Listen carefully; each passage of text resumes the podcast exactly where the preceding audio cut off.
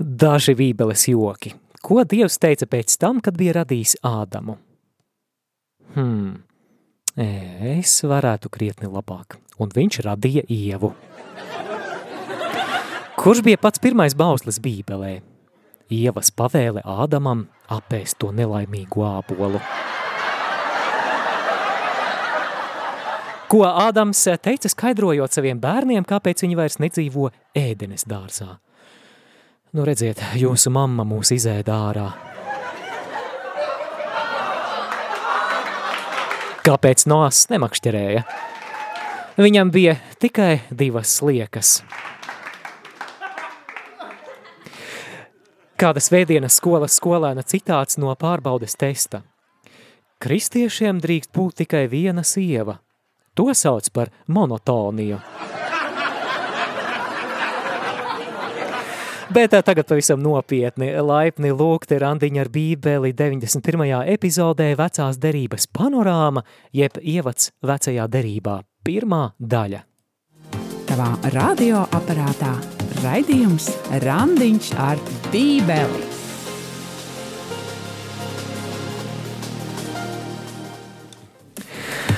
Māris Veliks šeit radio Marija ēterā, un jau iepriekšējā raidījumā mēs ar Olgu ziņojām par to, ka mēs šogad uzsākam pilnīgi jaunu raidījumu ciklu Bībeles panorāma.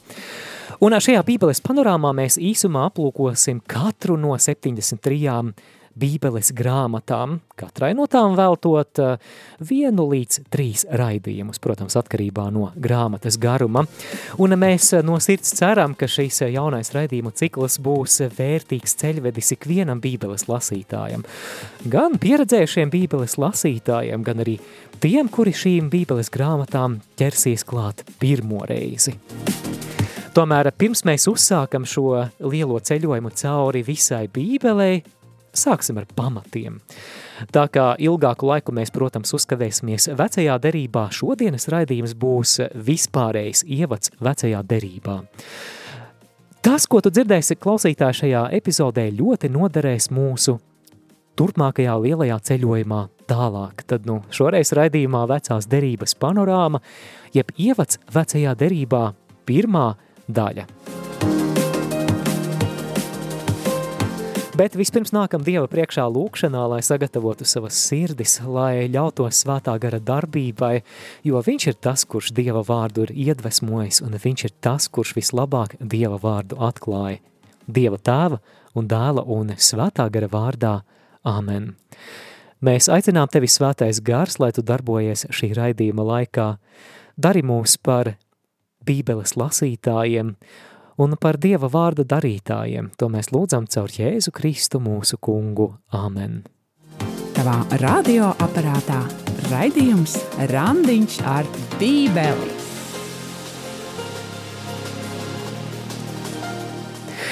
Vispirms parunāsim par vecās derības struktūru. Lai gan eh, bībeli tu, mīļo klausītāji, protams, pazīsti kā vienu lielu grāmatu, droši vien arī zini, kurā plauktā šī grāmata atrodas, patiesībā Bībeli varētu arī raksto, raksturot kā grāmatu bibliotēku. Starp citu arī grieķu vārds Biblija, no kā ir cēlies mūsu vārds Bībele, nozīmē nevis vienu grāmatu, bet grāmatas daudzskaitlī. Un tā, piemēram, katoļu bībelēs ir veselas 73 grāmatas, kurām mēs mēģināsim iet cauri raidījuma laikā gan šajā, gan turpmākajās sezonās. Apjoma ziņā lielākā, protams, ir vecā derība, kas ietver 46 grāmatas katoļu kanon, kanonā. Savukārt jaunā derība ir mazliet īsāka, un tās ir 27 grāmatas. Bet tajā, kā šīs grāmatas ir sagrupētas mūsu bībeles izdevumos, ir, protams, sava loģika. Atgriezīsimies pie līdzības ar bibliotēku. Iedomājies klausītāji, ka tu ienāc bibliotēkā, tur čīkst koka dēļu grīda, tu staigā gar grāmatu plauktiem, ir tā īpašā bibliotēkas smarža, un tu vēro grāmatas, un tu noteikti pamanīsi, ka grāmatas plauktos ir sagrupētas pēc noteiktas loģikas. Iespējams, tu uzdursies atsevišķiem enciklopēdiju plauktiem. Savukārt citā vietā plauktos vienkopus tu atradīsi dzējas grāmatus. Tur būs Imants Ziedonis un Ojārs Vācietis un Bairons un tā tālāk. Vēl citos plauktos vienkopus tu atradīsi vārdnīcas, citur būs daļa literatūra vai mākslas albumi vai pavārgrāmatas, tātad katram žanram sava vieta bibliotēkā. Līdzīgi arī vecā derība, gluži kā bibliotēka ir veidota tā, ka grāmatas tajā ir sagrupētas pēc noteiktiem kritērijiem. Tā tas ir mūsu bībeles izdevumos, un parunāsim par to, kādās grupās tad šīs grāmatas tiek sagrupētas sagrupētas. Vispirms vecajā derībā mēs atrodam piecas mūzus grāmatas, jeb grieķiski sauktas par pentateihu, bet ebrejiski par toru. Ebreji toru uzskata par svēto rakstu kodolu, par pašām pašām svarīgākajām dieva iedvesmotajām grāmatām. Tora ebrejiski nozīmē likums, un Protams, ka Tora ietver likumu, te mēs atradīsim gan desmit dieva baušļus, kurus ļoti labi zinām, bet bez desmit dieva baušļiem vēl daudz, daudz, daudz sīkus vecās derības priekšrakstus, skaitā vairāk nekā 600. Un tomēr, neraugoties uz šo likumu klātesamību šajās grāmatās, protams, te ir aprakstīta arī pasaules izcelšanās un Izrēļa tautas pirmsākumi līdz pat izceļošanai no Ēģiptes un klejojumiem tuksnesī. Tātad tā pirmā daļa ir pentateiks, jeb piecas mūzes grāmatas. Katoliskajā tradīcijā šīs grāmatas mēs saucam. Pirmā ir radīšanas grāmata, jeb pirmā mūzes grāmata. Uh, Otrā ir izceļošanas grāmata, nākamā ir levītu grāmata, tad skaitļu grāmata un atkārtotā likuma grāmata. Piecām mūzes grāmatām, jeb torai mūsu bībelēs seko vēsturiskās grāmatas. Es domāju, ka nosaukums vēsturiskās grāmatas tev klausītāji jau pasaka priekšā, ko no šīm grāmatām sagaidīt. Protams, ka šīs grāmatas ir uzrakstītas stāstījuma formātā, uh, Un līdz ar to, manuprāt, tās ir ļoti aizraujoši un interesanti lasīt. Šīs grāmatas vēstī par Izrēļa tautas vēsturi, un tas ir kā turpinājums Torā aprakstītajiem vēsturiskajiem notikumiem. Starp grāmatām, kuras ierindojamas vēsturisko grāmatu plauktiņā, ir Jozues grāmata, Soģu grāmata, pirmā un otrā Samuēla grāmata – pirmā un otrā ķēniņu grāmata un citas vēsturiskās grāmatas. Un tieši šajās grāmatās mēs satiekam tādus vēsturiskus bībeles personāžus kā ķēniņš Dāvids, ķēniņš Salomons, pravietis Elīs un daudzus citus. Tālāk vecās derības bibliotēkā ir dzējas un gudrības literatūras plauktiņš. Tātad dzēja un gudrības literatūra. Un klausītāji jau droši vien nojauš, ja jau runa par dzēju, tad noteikti šeit jābūt vecās derības slavenajai dziesmu vācelē, kā to sauc? Par psalmiem to sauc, pareizi, psalmi ir šeit. Tāpat arī mīlas poēzija, dziesmu dziesma, ļoti, ļoti romantisks teksts. Tieši tā šīs grāmatas atrodamas šeit, pēc vēsturiskajām grāmatām. Mazliet par gudrības literatūru. Starp citu, gudrības literatūra ne, tikai bībeles ietvaros, bet vispār tuvajos austrumos bija raksturīgs literatūras žanrs. Parasti tie ir domu graudi vai līdzības, varbūt tu zini tādu vārdu kā aforismi. Šie sakām vārdi, domu graudi, līdzības pauž gan dievišķu, gan vispār cilvēcisku gudrību. Paraugi bībelē šīm grāmatām ir sakām vārdu grāmata, jeb Sālamana pamācības – Sīraha dēla grāmata, Ījaba grāmata un citas. Mīļo klausītāji, vai tev ir kāds mīļākais teiciens no Sālamana sakām vārdiem? Mans mīļākais fragments, piemēram, ir šis. Neliecies sev pats gudrs esam, bet paļaujies uz kungu. Uztici kungam savu ceļu, un viņš iztaisnos tavas takas. Sakām vārdu grāmata 3, no 5. līdz 6. pantam. Tātad līdz šim mēs runājām par trim grāmatu grupām, piecas mūzes grāmatas, pentateiks, jeb tora, kā nu kurā valodā mēs sakām. Nākamā ir vēsturisko grāmatu grupa, tad dzēja un gudrības literatūra, bet ir vēl ceturtā grāmatu grupa vecajā derībā, un to mēs saucam par pravietisko literatūru. Vecās derības bibliotēkā tātad ir viens liels un nopietns plaukts, un tas ir paredzēts pravietiskajai literatūrai. Kas bija pravieši? Pravieši bija cilvēki, kurus Dievs bija īpaši izredzējis, īpaši aicinājis runāt viņa vārdā. Varētu teikt, ka viņi bija Dieva vēstneši tautai, kuri pasludina Dieva skatījumu uz lietām, uz visdažādākajām dzīves reālijām, uz tā laika situāciju sabiedrībā, politikā.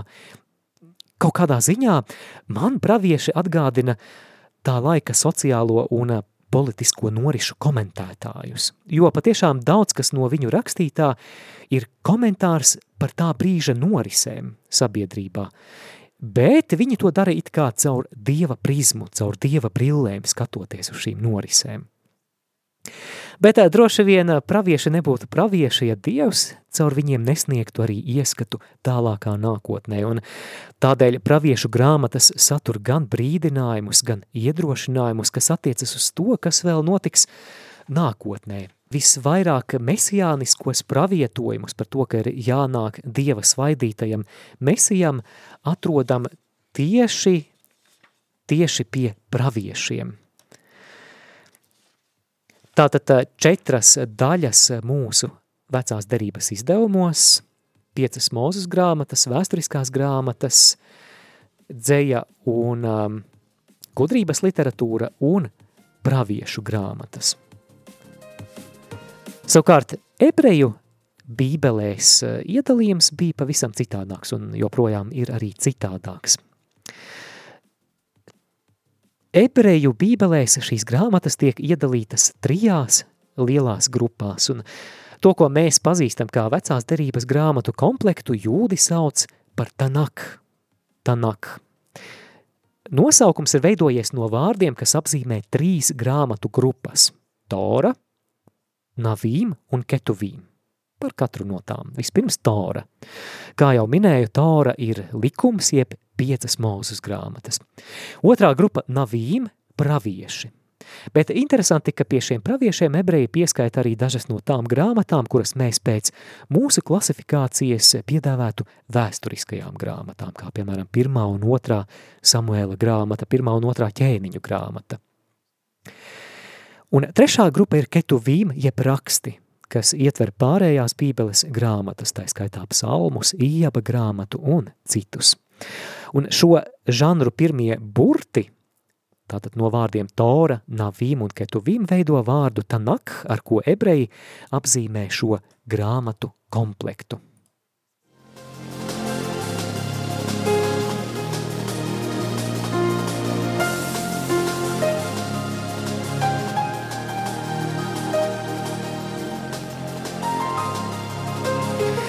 Daudz grāmatu, vai ne?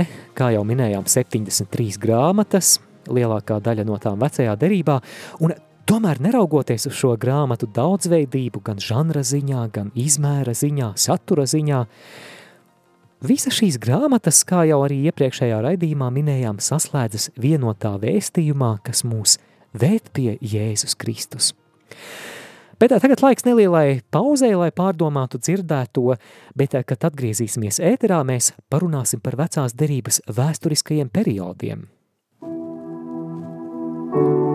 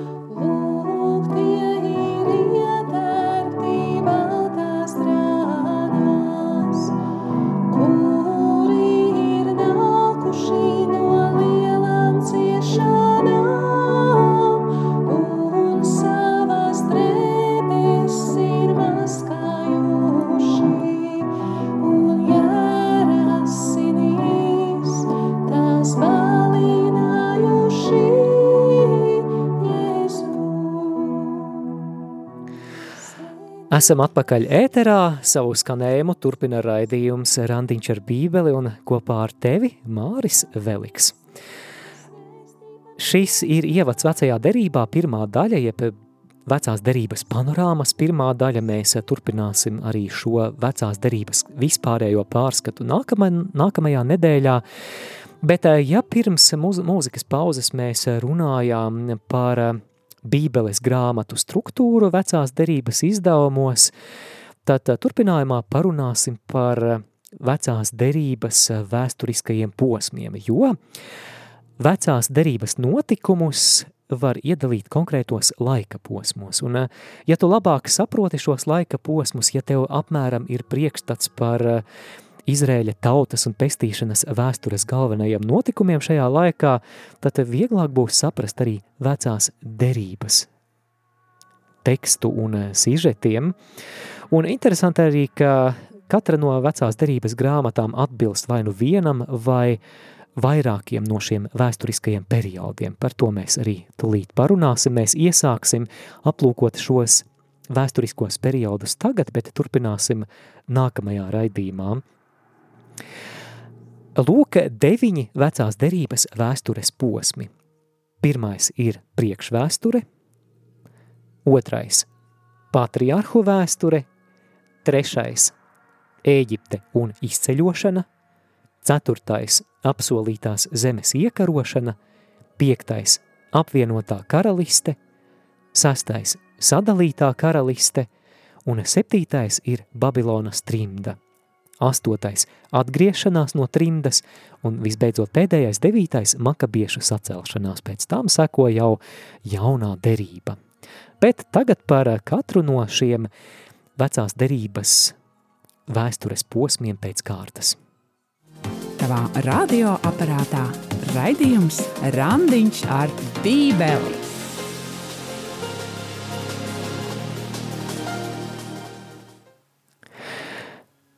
Pirmais vecās derības vēsturiskais posms tiek dēvēts par priekšvēsturi. Priekšvēsture ir aprakstīta radīšanas grāmatas fragmentā no pirmās nodaļas līdz 11. nodaļai ieskaitot. Un, lai gan vārdā priekšvēsture mēs labi dzirdam, ka ieskanās šis vārdiņš vēsture, tad te ir jāpiezīmē, ka šī vecās derības porcija nav jāuztver kā vēstures grāmata vai kā dabas zinātņu grāmata, tādā izpratnē, kā mēs to šodien saprotam. Tas nenozīmē, ka pamatā nav vēsturiski notikumi. Nē, ir gan, bet eh, šos senos tekstus raksturo tas, ka šeit ir daudz simbolisku tēlu, daudz metaforu, līdzību, un to uzdevums ir paust svarīgas ticības patiesības. Piemēram, to, ka pasauli un cilvēku ir radījis Dievs.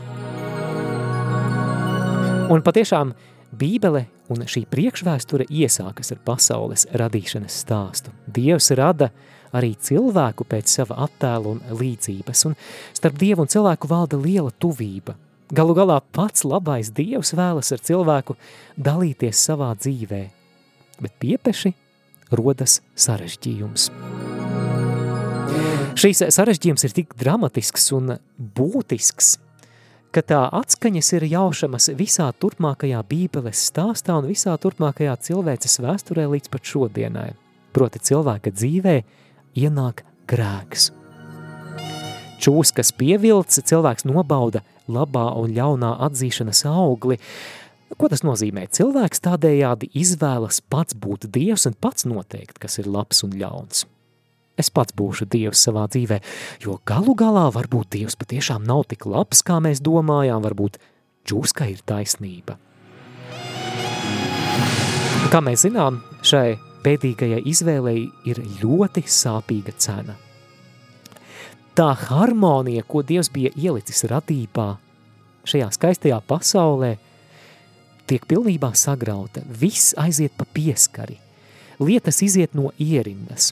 Piemēram, cilvēkam vairs nav patīkama Dieva klātbūtne, kurā viņš agrāk uzturējās. Cilvēks no Dieva slēpjas, viņam ir bail no Dieva. Mēs lasām arī, ka notiek šķelšanās starp vīrieti un sievieti, jo ir ienākusi savstarpēja neusticēšanās, viens uz otru nosodoši norāda ar pirkstu. Un galu galā cilvēks ir nolemts nāvei tuksnesī ārpus ēdenes dārza. Viņš pats ir izvēlējies pārgriezt dzīvības pavadienu, kas viņu saistīja ar Dievu. Grēks pasaulē turpina vairoties, tā mēs lasām šajā priekšvēstures sadaļā radīšanas grāmatā. Grēks pasaulē vairojas kā tāds pretīgs vīrus, kā amēbas un infuzorijas visapkārt vairojas grēks, un mēs lasām, ka Kains nogalina savu brāli Ābelu, bet tā ir tikai prelūdija tam haosam, kurš vēl pieņemsies spēkā nākamajās paaudzēs. Priekšvēstures sadaļas apraksts noslēdzas ar ļoti īpatnēju simbolisku attēlu. Tiek celts Bābeles tornis. Proti, cilvēkiem ir tik ļoti sakāpis galvā, ka viņi nolēma uzcelt torni, kas sniegtos debesīs. Un te cilvē, cilvēcis apziņā it kā atkal atbalsojas čūskas meli. Jūs taču būsiet kā dievi!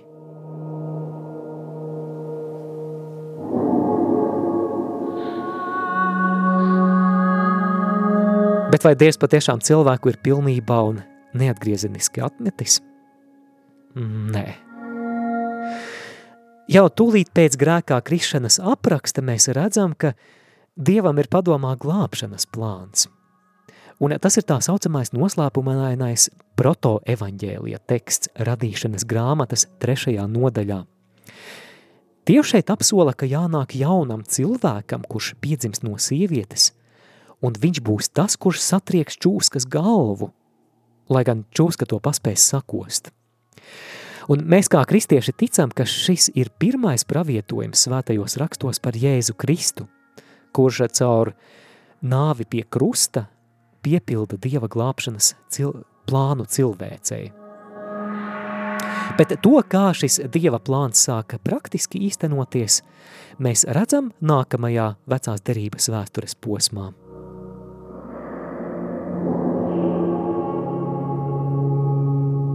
Nākamais vecās derības vēstures posms ir patriārhu vēsture. Par to mēs lasām sākot no radīšanas grāmatas 12. nodaļu. Patriārhu vēsture, jo tā koncentrējas uz lielajiem Izrēļa tautas ciltstēviem, jeb patriārhiem Ābrahamu, Īzaku, Jēkabu un pēc tam arī Jēkaba 12 dēliem, kas ir visas Izrēļa tautas ciltstēvi.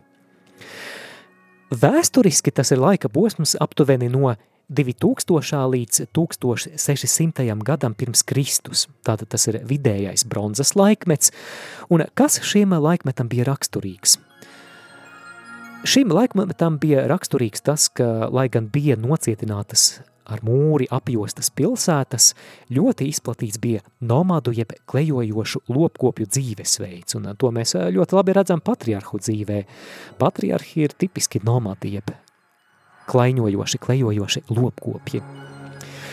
Un cilvēka dzīve šajā laikā ir ļoti, ļoti atkarīga no dabas apstākļiem. Piemēram, sausuma posmi varēja izraisīt pamatīgu migrāciju un tautu staigāšanu. Lai arī šī vēstures perioda nosaukums ir patriarhu vēsture, patiesībā centrā šeit nav Ābrahams, Īzaks vai Jēkabs un viņu dzīves biogrāfijas. Vai tu zini, klausītāji, kas šeit ir centrā? Centrā ir Dievs, kurš savā žēlsirdībā vēlas vest cilvēci pie sevis atpakaļ. Kā viņš to dara? Vispirms Dievs aicina vienu cilvēku vārdā Ābrams.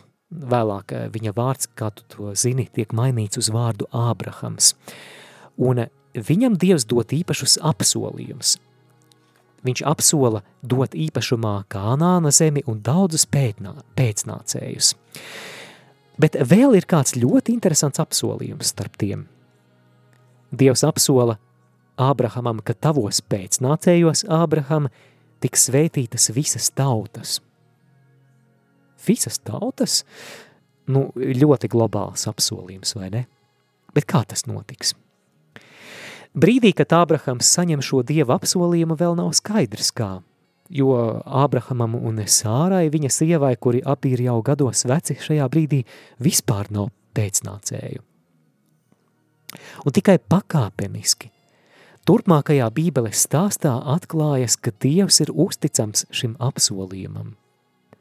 Ābrahams, kā mēs to tālāk redzēsim, patiešām kļūst par tēvu lielai tautai.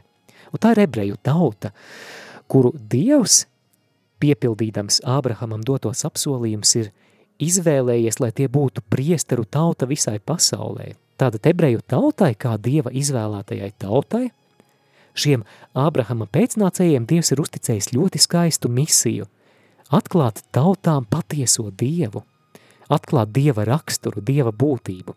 Viņam ir jābūt priesteru tautai. Un eh, caur to visas tautas tiek svētītas caur šo ebreju tautu. Bībeles eh, turpmākajā notikumu, turpmākajos notikumos mēs redzam, ka šī tauta bieži vien kļūdas, bieži vien paklūp, bieži vien tā nav tās latiņas eh, cienīga, ko Dievs ir uzstādījis, bet vēlāk jau jaunajā derībā mēs redzam kādu figūru, kādu personu, kurš patiešām ir šis augstais priesteris visai pasaulē, kurš ir gaisma pagānu apgaismošanai un slava viņai, viņa Izrēļa tautai, kā mēs lasām jaunajā derībā.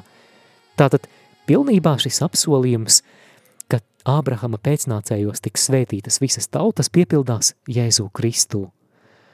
Tieši viņš ir nācis svētīt visas tautas un caur savu nāvi un augšām celšanos vest atpakaļ ikvienu pie tēva.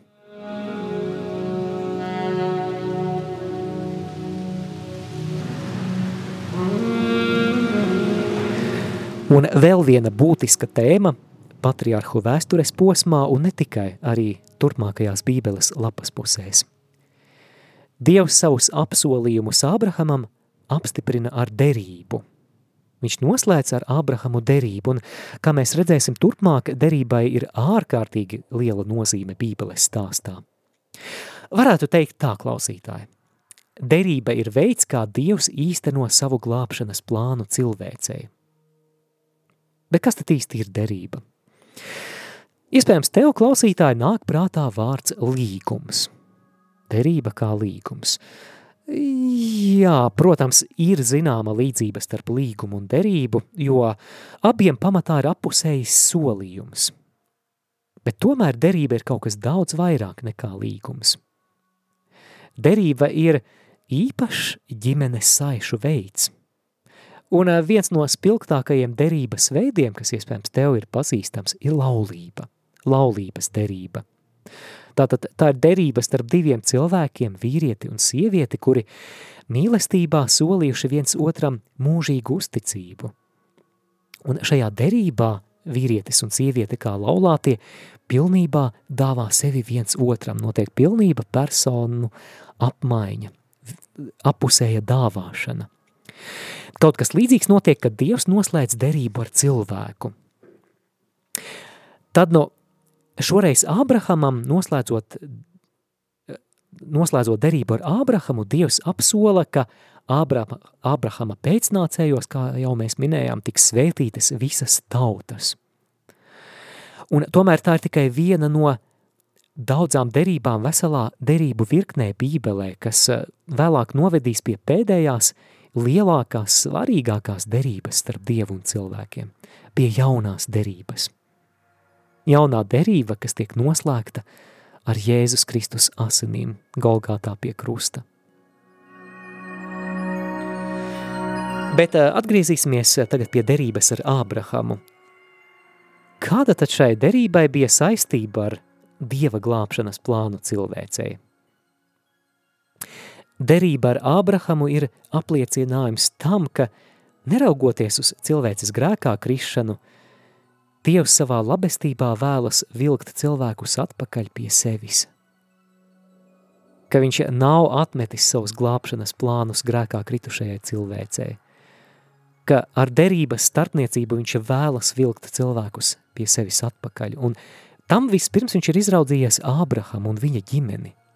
Un Ābrahamam ir jākļūst par cilvēku, iz, par ciltstāvu Izrēļa tautai, kura visai cilvēcei būs kā priesteru tauta, kuras uzdevums būs viņiem atklāt patieso Dievu.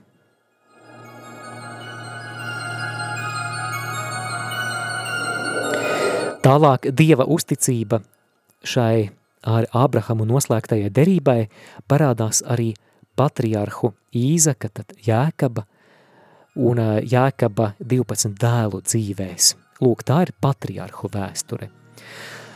Šoreiz eh, ievadā vecajā derībā, aplūkojot vecās derības vēstures periodus, mēs eh, pieskārāmies tikai diviem periodiem, par tiem visiem mēs lasām tikai vienā grāmatā, tikai radīšanas grāmatā, jeb pirmajā mūzus grāmatā.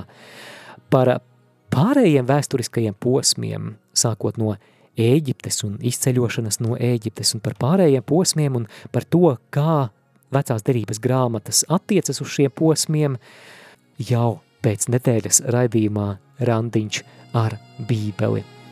Bet tā, tagad noslēgsim ar lūkšanu Dieva tēva un dēla un svētā gara vārdā. Amen. Svētais, labais, mīļais Dievs, mēs Tevi slavējam, mēs Tevi pielūdzam. Mēs Tev pateicamies, kungs, kas esi radījis debesis un zemi. Mēs Tev pateicamies, ka arī šodien Tu turpini uz mums runāt caur savu vārdu – Kungs, mēs Tev pateicamies par pasaules radīšanu, par cilvēka radīšanu. Un mēs Tev pateicamies par to, ka neraugoties uz to, ka mēs bijām neusticīgi, nebijām Tavas klātbūtnes cienīgi, Tu izvēlējies cilvēkus vilkt atpakaļ pie sevis, noslēdzot ar viņiem derības. Lai reiz kādā īpašā brīdī pilnībā, pilnībā atgrieztu tos, kuri Tevi meklē, atpakaļ pie Tavas sirds, caur tavu dēlu Jēzu Kristu. Dievs, es lūdzu par katru radio klausītāju, un es lūdzu, lai mēs savā lūkšanu dzīvē un svēto rakstu lasīšanā iepazītu tevi vairāk, vairāk un vairāk. To mēs lūdzam caur Jēzu Kristu mūsu kungu.